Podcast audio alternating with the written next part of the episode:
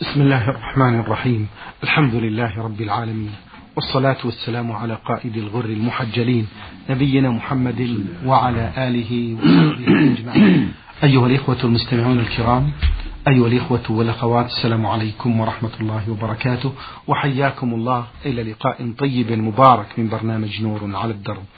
ضيف اللقاء وسماحة الشيخ عبد العزيز بن عبد الله بن باز المفتي العام للمملكة العربية السعودية ورئيس هيئة كبار العلماء. مع مطلع هذا اللقاء نرحب بسماحة الشيخ. فأهلا ومرحبا سماحة الشيخ. حياكم الله وبارك فيكم وفيكم على بركة الله نبدأ هذا اللقاء الطيب المبارك بسؤال لأحد الإخوة. أرسل بمجموعة من الأسئلة. يقول في السؤال الأول سماحة الشيخ في الحديث اللهم أجرني في مصيبتي واخلف لي خيرا منها.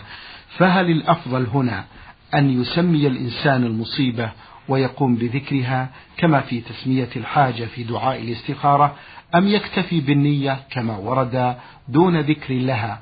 وهل على الإنسان أن يجمعها في حال وجود أكثر من واحدة كأن يقول اللهم أجرني في مصائبي واخلف لي خيرا منها أفتونا مأجورين. بسم الله الرحمن الرحيم. الحمد لله وصلى الله وسلم على رسول الله وعلى آله وأصحابه ومن اهتدى بهداه. أما بعد فلا شك أنه قد ثبت عن النبي صلى الله عليه وسلم أنه قال ما من عبد يصاب بمصيبة. فيقول إنا لله وإنا إليه راجعون. اللهم آجرني في مصيبتي وأخلف لي خيرا منها. إلا آجره الله في مصيبته وأخلف له خيرا منها. فإذا أصيب الإنسان بموت أخيه أو أبنه أو أبيه أو حادث في ماله أو غير هذا يقول هذا الدعاء يكفي اللهم آجرني في مصيبتي وأخلف خيرا منها. وإن كررها فلا بأس وإن قال في مصائب فلا بأس. لكن لفظ الحديث كافي لأن المصيبة كلمة مفردة تعم. مضاعفة تعم. لفظ المصيبة إذا أضيف يعم.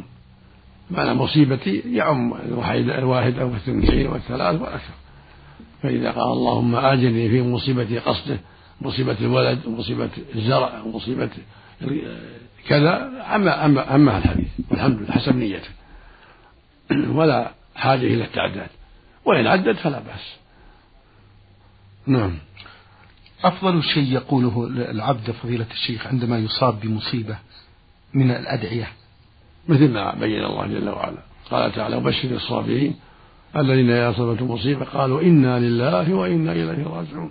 أولئك عليهم صلوات من ربهم ورحمة وأولئك هم المهتدون. وفي الحديث يقول ما من عبد يصاب بمصيبة يقول إنا لله وإنا إليه راجعون. اللهم آجرني في مصيبتي وأخلف لي خيرا منها إلا أجره الله في مصيبته وأخلف له خيرا منها. فيزيد مع قول إنا لله وإنا إليه راجعون. يقول اللهم آجرني في مصيبتي أو اللهم أجرني في مصيبتي وأخلف لي خيرا منها. وإذا دعا زيادة على ذلك اللهم يسر أمري اللهم عوضني كذا اللهم اغفر لميتي اللهم كذا الدعوات الطيبة لا بأس. لكن هذا الدعاء اللي قالها النبي كافي عليه الصلاة والسلام. جاء من كلام جامع اللهم آجرني في مصيبتي وأخلف لي خيرا منها. إذا خلف الله خيرا منها حصل له المطلوب والحمد لله. أحسن الله إليكم سماحة الشيخ. إذا سهى الإنسان في صلاته فقرأ سورة الفاتحة دون أن يتدبرها ولم يتذكر ذلك إلا بعد الانتهاء من قراءتها. وأحيانا لا يدري هل قرأ سورة الفاتحة أم لا وهذا كله أثناء الصلاة رغم اجتهاده. فهل عليه يا سماحة الشيخ أن يعيد قراءة ذلك أم لا يجوز له ذلك؟ وما العمل في هذه الحالة؟ إذا كان الشيء عارضا يعيد إذا شك. هل قرأ الفاتحة وما قال يقرأها. أما إذا كان وساوس يكثر معه ذلك يطرح الوساوس. ويبني على أنها قرأها ويترك الوسوسة ويتعوذ بالله من الشيطان ولا يعيدها. لأن الشيطان حرص على إفساد أعمال بني آدم؟ فإذا كان شيئا إذا كان هذا شيئا عارضا فإنه يعيدها يقرأها حتى يتحقق أنه قرأها. أما إذا كان وسوسة هذا يترك ذلك. إذا وقع على هذه الوساوس يبني على أنه قرأها ولا يعيدها والحمد لله. أحسن الله إليكم سماحة الشيخ. هل ينقص من أجر الصلاة سماحة الشيخ بالنسبة للمسلم إذا أكثر الإنسان من الوساوس وسهى في صلاته؟ لا شك أن الإنسان له من صلاته ما عقل منها أجره وثوابه على حسب ما عقل من صلاته. كل ما أقبل على صلاته وخشع فيها وأحضر فيها قلبه صار أجره أكثر. وكل ما كثرت الوسائل صار الأجر أقل.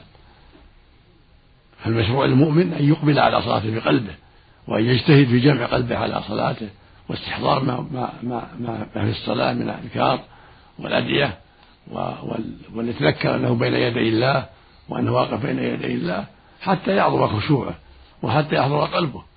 كما قال الله سبحانه قد أفلح المؤمنون الذين هم في صلاتهم خاشعون. وجاء عنه صلى الله عليه وسلم قال إنه ليس للعبد من صلاته إلا ما عقلها ما عقل منها. إن العبد يقوم في الصلاة لا يكتب منها لا يكتب له منها إلا نصفها إلا ثلثها إلا ربعها إلا خمسها حتى قال إلا عشرها. فالمقصود أن الإنسان ينبغي له أن يقبل على صلاته ويشرع له أن يعتني بها ويجمع قلبه عليها حتى يكون حاضرا بين يدي الله يقرأ بتدبر يركع بحضور قلب يسجد بحضور قلب إلى أن ينهي صلاته. وقلبه حاضر خاشع هذا هو المطلوب من المؤمن. وكل ما كان خشوع أكثر صار, صار ثوابه وأجره أكثر. أحسن الله إليكم سماحة الشيخ. أخونا السائل سماحة الشيخ يقول في بعض المساجد توجد أعمدة بين الصفوف تؤدي إلى قطعها وتجزئتها إلى أكثر من صف. فهل الأفضل في مثل هذه الحالة أن يصلي الإنسان بجانب العمود ومن ثم يكون الصف متقطع أم الأفضل أن يكمل الصف بأن يجعل العمود من خلفه مع العلم بأن الصف في هذه الحالة يكون مكتمل ولكن مائلا لخروج المصلي قليلا عن الصف. أفتون في ذلك مأجورين. السنة أن تستقيم الصفوف متصلة والأعمدة بين خلفهم. تكون الأعمدة خلفهم والصف يكون مستقيما أمام أمام الأعمدة ولا تقطع ولا تقطع الصفوف. إلا عند الضرورة. إذا ازدحم المسجد وضاق المسجد وصف الناس بين بين السواري فلا حرج للحاجة. ولهذا قال أنس إنهم كانوا يتقون ذلك يتقون الوقوف بين السواري يعني عند عدم الحاجة إلى ذلك. فالسنة أن يتقدم المأمومون وتكون الأعمدة خلفهم. ولا يضر لو تقدم قليل من جهة العمود الذي خلفه العمود. لكن ينبغي للذين بين العمودين يتقدموا قليلا حتى يستقيم الصف. حتى يكون الذي خلف الذي خلفه العمود وغيره سوا سوا مستقيمين في الصف. لا يتقدم أحد على أحد. جزاكم الله خيرا.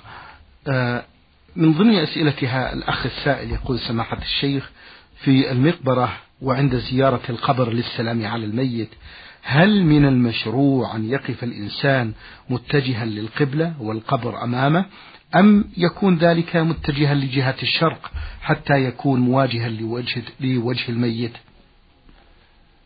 ليس في هذا تحديد. السنة يقف على قبر ويسلم على الميت سواء من خلفه أو أمامه المهم أن يسلم عليه وإذا أتاه من أمامه حتى يكون أمام وجه الميت فلا بأس. الأمر واسع في هذا. النبي عليه الصلاة والسلام قال زوروا القبور فإنها تذكركم الآخرة ولم يعين جهة معينة سواء وقف من عند رأسه أو عن يمينه أو شماله أو خلفه. الأمر واسع الحمد لله.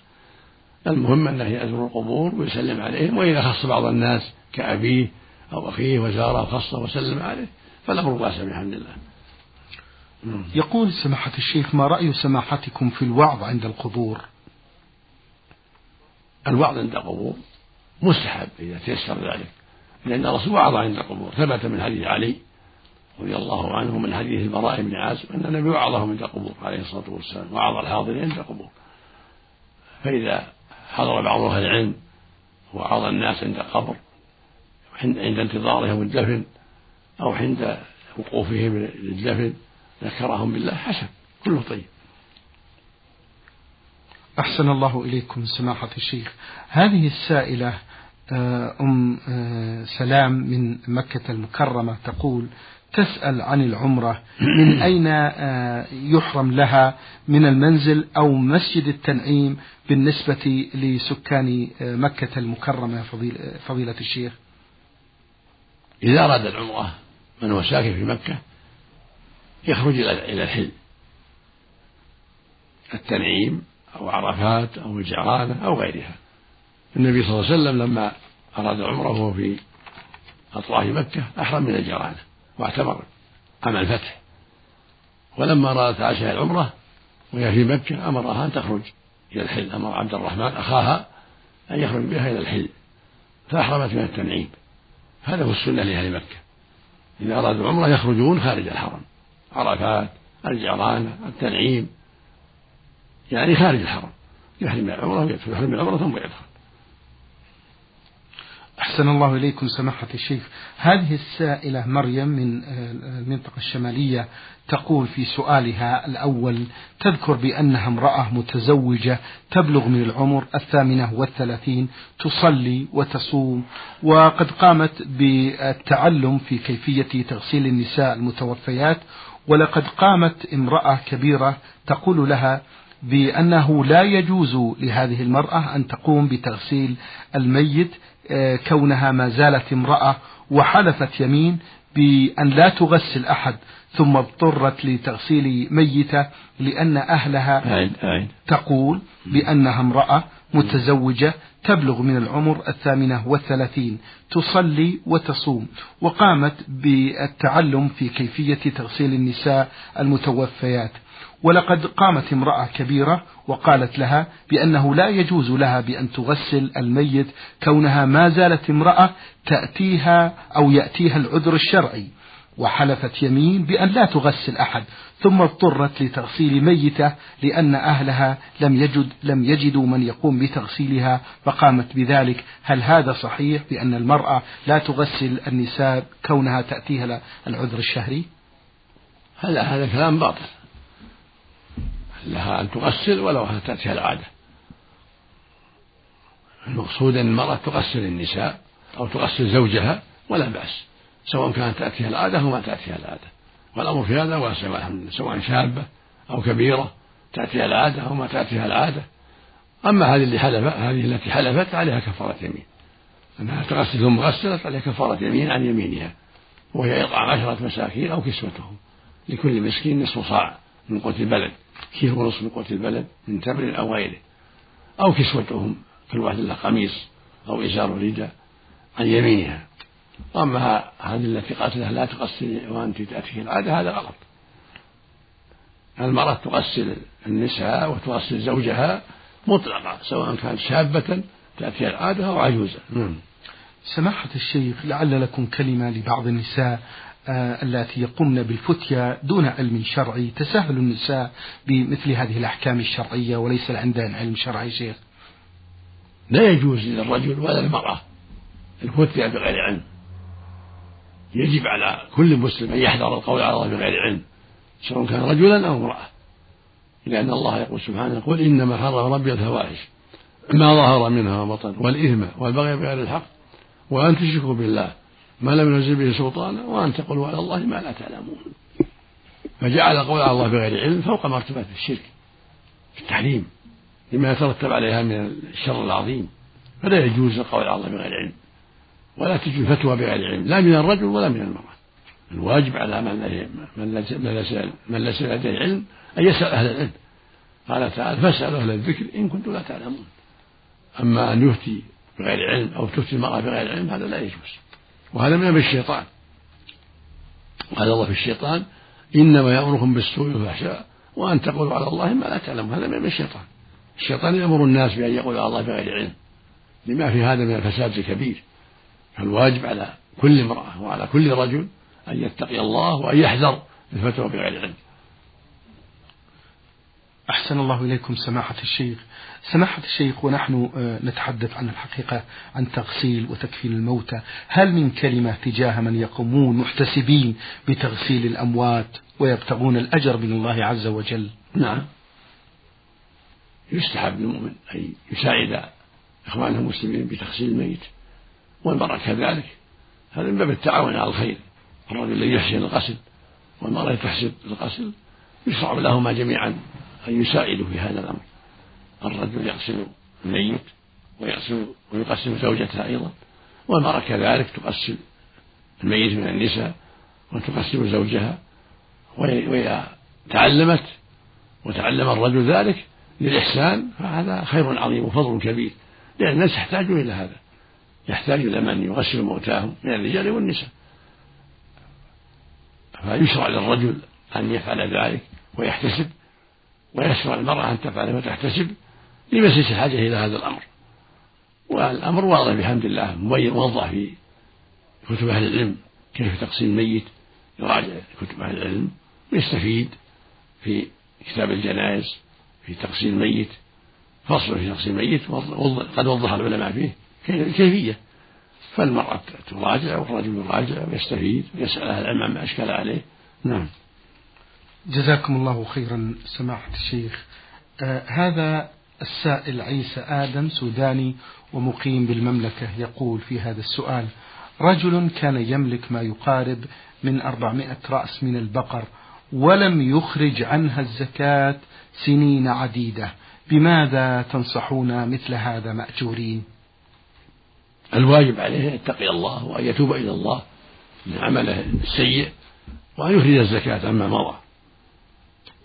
عليه أن يخرج الزكاة عما مضى. من السنين. إذا كانت سائمة ترعى السنة أو غالب السنة عليه أن يخرج زكاتها. في كل أربعين مسنة. وكل ثلاثين تبيع أو تبيعة. والتبيع ما تم له سنة. والمسنة ما تم لها سنتان. في أربعمائة أربعمائة بقرة عشر مسنات. في كل أربعين مسنة.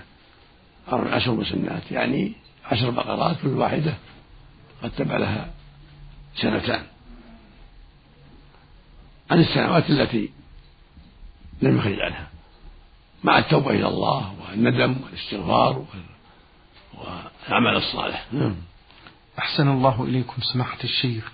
هذه سائلة تقول آه، أنجبت آه، هذه المرأة ولدين من أبنائها خلال شهر رمضان فأفطرت بهما كونها كما تقول امرأة نفساء ومرضعة.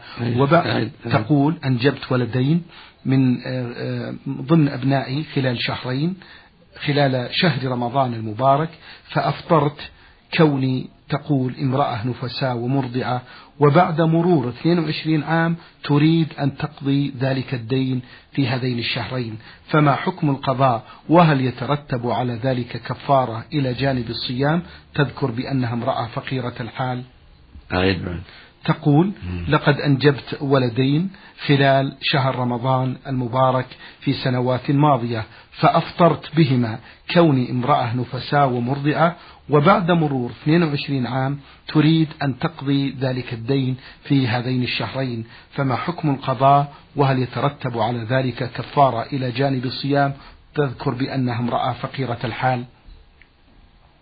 عليها التوبة إلى الله. على المرأة على أيها المرأة المذكورة التوبة إلى الله سبحانه من هذا التأخير الكثير وعليها أن تقضي. رمضان الذي افترته جميع الأيام التي افترتها عليها أن تقضيها. إن كان الولدين في سنة واحدة توأمين في سنة عليها أن تقضي الشهر. وإن كان كل واحد في رمضان فعليها أن تقضي الشهرين. إذا كان كل واحد في رمضان في سنة فعليها أن تقضي الشهرين. وإن كان توأمين في شهر واحد فعليها أن تقضي رمضان وعليها أن تطعم مسكين عن كل يوم إذا كانت تستطيع. وإن كان ما تستطيع فقيرة يكفي الصيام والحمد لله مع التوبة إلى الله عز وجل. أما إن كانت تستطيع فعليها إطعام مسكين عن كل يوم مع الصيام. نصف صاع مع فيها يجمع خمسة عشر صاع عن رمضان يعطاها بعض الفقراء. وإن كان رمضانين ثلاثين صاع يعطاها بعض الفقراء مع الصيام. لأن سؤالها محتمل أنها توم ويحتمل أنها في الشهنتين نعم. أحسن الله إليكم سماحة الشيخ. يقول هذا السائل آه، ياسر سليمان من محافظة البلقاء من الأردن يقول في سؤاله عندما يقوم الشخص بالنذر بالذبح وذلك بذبح شاة من الماعز هل ينطبق عليها ما ينطبق على الأضحية وخاصة في العمر والشروط المتوفرة فيها؟ نعم إذا نذر أن يذبح شاة أو بقرة أو ناقة يعتبر فيها ما يعتبر في الضحية. وعليه أن يصدق بها على الفقراء لا يكون منها شيء. النذر لا يكون منه شيء. يصدق بالمنذور على الفقراء. إلا يكون له نية أن, هذه الشاة يذبحها ويجمع عليها جيرانه وأهل بيته.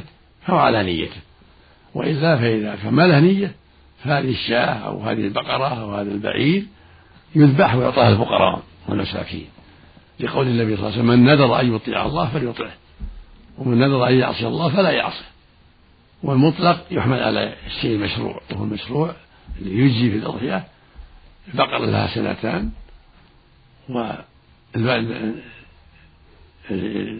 والظان ستة أشهر والإبل ثنية قد تم لها خمس سنين يعني ثنية. فالحاصل أنها مثل مثل الضحية. يعمل فيها مثل الضحية. لا يذبح إلا مسنة إلا إذا كان من الضان نظر الشاة يذبح من الضان من ما تم له ستة أشهر. وإن كان من الماء ما تم له سنة ومن كان من الإبل ما تم له من الغنم ما من البقر ما تم له سنتان ومن الإبل ما تم له خمس سنين كالضحية. ثم هذا هذا المذبوح يعطى الفقراء. يتصدق على الفقراء إلا إذا كان له نية. إن هذا المذبوح نواه أنه يجمع عليه أهل بيته أو يجمع عليه جيرانه أو أقاربه فهو على نيته. لقوله صلى الله عليه وسلم إنما الأعمال بالنيات وإنما لكل امرئ ما نوى نعم. أحسن الله إليكم سماحة الشيخ. يستفسر عن صحة هذا الحديث ما معناه من نام على جنبه الأيمن وقرأ قل هو الله أحد آه، سورة الإخلاص مئة مرة جاء يوم القيامة وقيل له ادخل الجنة عن يمينك. ما صحة هذا الحديث؟ ليس له أصل في المعنى أو ليس له أصل في المعنى هذا من الأخبار الموضوعة. نعم. عن النبي صلى الله عليه وسلم. نعم. سماحة الشيخ آه، كثرت الأحاديث الموضوعة فما السبيل إلى العلاج في آه، تدارك هذه الأحاديث الموضوعة؟ تداركها العلماء ألفوا فيها مؤلفات والحمد لله وضحوها فيها مؤلفات كثيرة وضحت الموضوعة والضعيفة. موضوعات ابن الجوزي وجامع الصغير السيوطي وشرح المناوي كشف الخفاء العجلوني كتب أخرى. وضحوا فيها نصب الراية الهيثمي وغير ذلك نعم. كتب كثيرة ألفت في هذا الباب والحمد لله نعم. الحمد لله جزاكم الله خيرا سماحة نعم. الشيخ هذا السائل آه، يقول في سؤاله من السودان من عادة الزواج لدينا بأن الرجل يحني يديه ورجليه يوم الزواج ما رأي الإسلام في نظركم في ذلك إذا كان هذه عادة بين الجميع ما فيها تشبه بين النساء هل يفعلها الرجال وليس بهذا خاصا بالنساء فلا بأس. لكن إذا توقاه الرجال تركوا للنساء يكون أحوط وأحسن كما في البلدان الأخرى. عندنا هنا ما يفعل هذا إلا النساء. فإذا كان في السودان الرجال يفعلون هذا ومشوا عليه ولا يعتبر تشبه قد صار سجية لهم وعادة لهم لم يكن تشبه صار هذا من العادة المشتركة. أحسن الله إليكم سماحة الشيخ. في آخر أسئلة هذا السائل يقول أستفسر عن الحكم الشرعي في نظركم سماحة الشيخ في البناء على القبور بالتفصيل. البناء على القبور محرم لا يجوز البناء على القبر. النبي صلى الله عليه وسلم القبر وأن يقعد عليه وأن يبنى عليه لأنه من أسباب الغلو فيه. أن يحط عليه قبة أو مسجد لا, لا يجوز. أما كون المقبرة عموم المقبرة تحاش بشيء حتى لا تمتهن للدواب والناس لا بأس هذا من باب صيانتها. أما يبنى على القبر تعظيما له واحتراما له لأنه قبر فلان أو قبر فلان يوضع عليه قبة أو مسجد هذا لا يجوز. نعم. أحسن الله إليكم سماحة الشيخ. ما من تونس السائل الذي رمز لاسمه بعين جيم يقول أستفسر عن الحكم الشرعي في التعامل بالرشوة في هذا العصر. كيف السبيل للعلاج من هذا المرض العضال؟ الرشوة محرمة والواجب الحذر منها. الرسول لعن الراشي والمرتشي.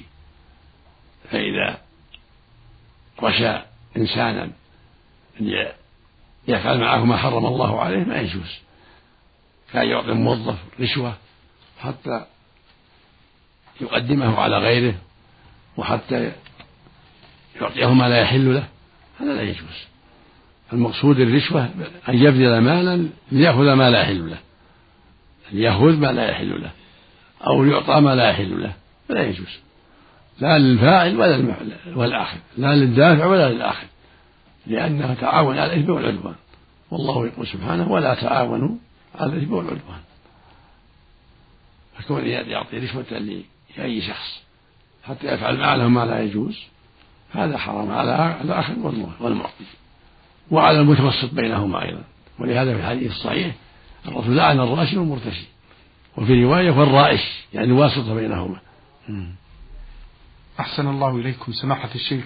في ثاني أسئلة هذا السائل من تونس يقول في الآية الكريمة وفي سورة الرحمن قال الله تعالى ويبقى وجه ربك ذو الجلال والإكرام.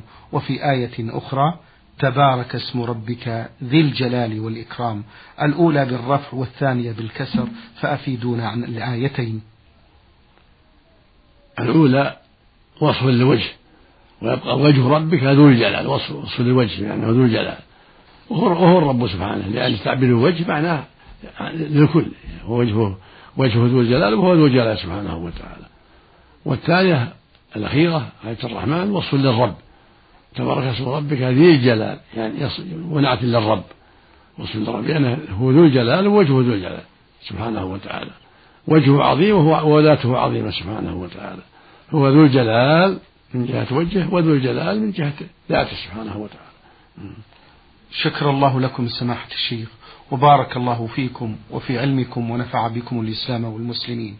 أيها الإخوة والأخوات أجاب عن أسئلتكم سماحة الشيخ عبد العزيز بن عبد الله. بن باز المفتي العام للمملكة العربية السعودية ورئيس هيئة كبار العلماء. شكر الله لسماحته على ما بين لنا في هذا اللقاء الطيب المبارك وشكرا لكم أنتم. وفي الختام تقبلوا تحيات زميلي مهندس الصوت الزميل المهندس فهد العثمان.